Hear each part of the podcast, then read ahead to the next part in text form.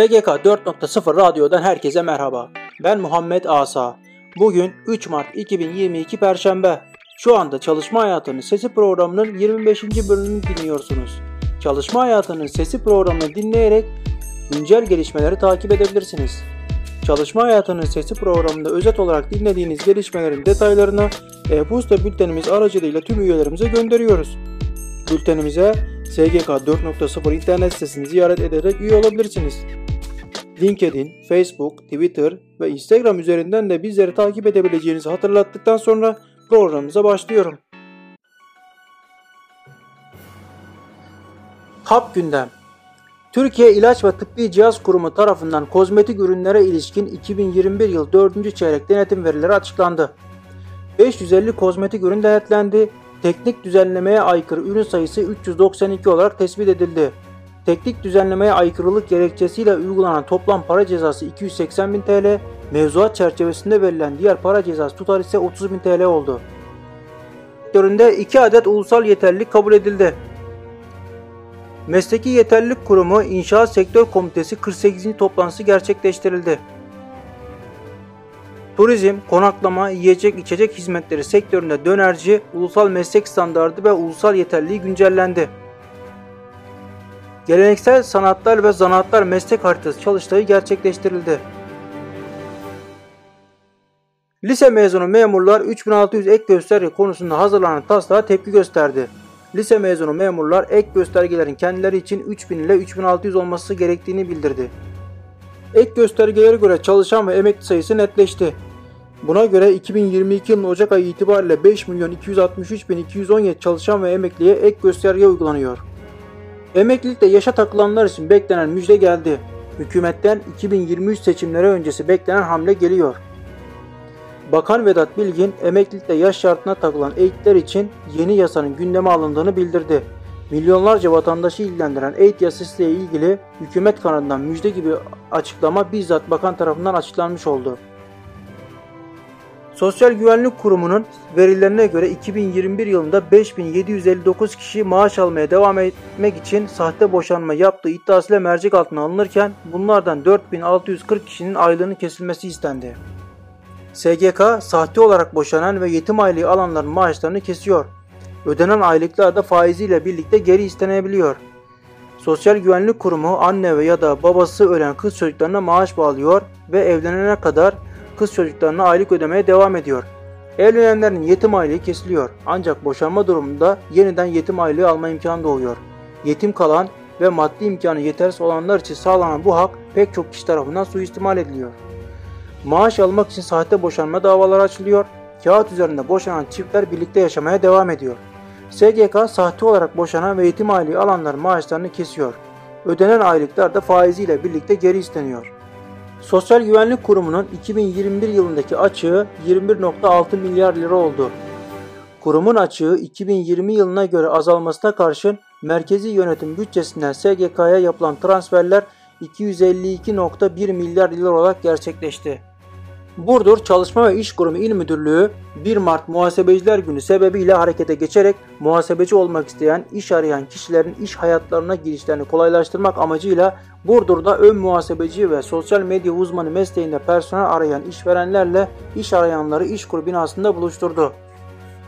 WoW Dünya Kadınlar Festivali İstanbul 19-20 Mart 2022'de Kadıköy'de Müze Gazhane'de gerçekleşecek. Festival bu yıl İstanbul'da ilk defa fiziksel katılıma açık olacak. Türkiye Odalar ve Borsalar Birliği Türkiye'deki vakıf üniversitesi temsilcilerinin katılımıyla Türkiye Yüksek Öğretim Meclisi toplantısı yaptı. Toplantıda Yüksek Öğretim Kanunu ile yapılan değişikliklerin vakıf üniversitelerinin rekabet gücünü zayıflattığı gerekçe gösterilerek kar amacı güden şirket gibi üniversiteler için yasanın yeniden düzenlenmesi istendi. Vakıf üniversitesi sahipleri vakıf üniversiteleri hocalarına verilen ücret, devlet üniversiteleri hocalarına verilen ücretten az olamaz maddesinin kaldırılmasını, ücretsiz okuyan öğrenci sayısının düşürülmesini, üniversite sınavlarında baraj puanının kaldırılması gibi dil baraj puanının da kaldırılmasını ve özel üniversite kanunu çıkarılmasını talep ediyorlar. Bilim Kurulu toplantısı yapıldı. Toplantı sonrası Sağlık Bakanı Fahrettin Koca açıklamalarda bulundu.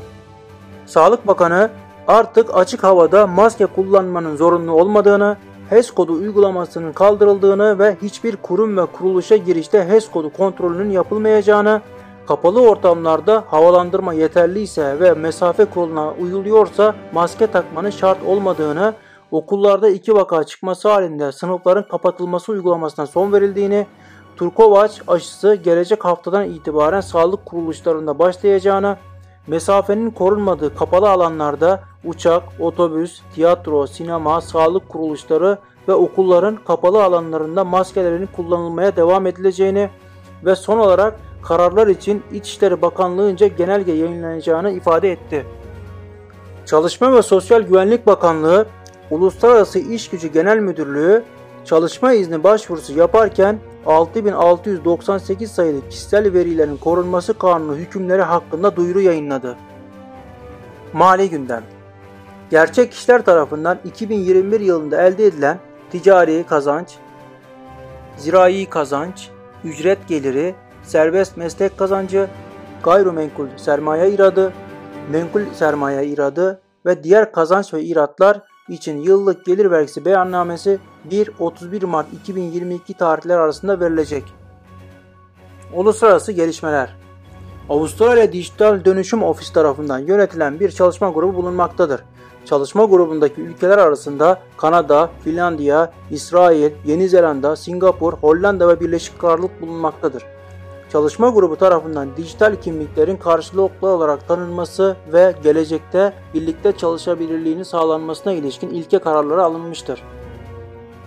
Çalışma grubunun dijital kimlik çerçevesi oluşturulurken tüm hükümetler tarafından kullanılmasını öngördüğü 11 ilke arasında açıklık, şeffaflık, yeniden kullanılabilirlik, kullanıcı merkezlilik, kapsayıcılık ve erişebilirlik, çok dillilik, güvenlik ve mahremiyet, teknoloji tarafsızlığı ve veri taşınabilirliği, yönetimsel basitlik, bilginin korunması ve etkinlik ile verimlilik yer almaktadır. İstihdam teşvikleri, destekler ve programlar. Destek ödemeleri Yozgat'ta başladı. COSGAP İl Müdürü Mustafa Işık, Covid-19 salgınından etkilenen mikro ve küçük ölçekli işletmelere yönelik olarak COSGAP İdaresi Başkanlığı'nca başlatılan istihdam odaklı hızlı destek programında işletmelere destek ödemelerinin başladığını söyledi. İstihdam COSGAP 4 sözleşmeli bilişim personeli alacak. Son başvuru tarihi 25 Mart 2022. Bursa Teknik Üniversitesi 30 sözleşmeli personel alacak. Akdeniz Üniversitesi 24 sözleşmeli sağlık personeli alacak. Son başvuru tarihi 15 Mart 2022. Türkiye Kömür İşletmeleri Kurumu Genel Müdürlüğü 5 müfettiş yardımcısı alacak. Son başvuru tarihi 11 Mart 2022.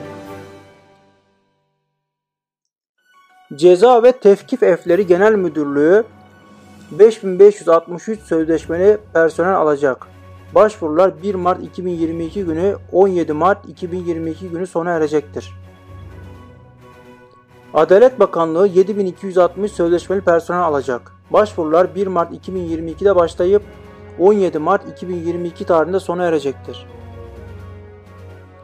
MEF Üniversitesi öğretim üyesi ve elemanı 10 akademik personel alacak. Son başvuru tarihi 16 Mart 2022 olarak açıklandı.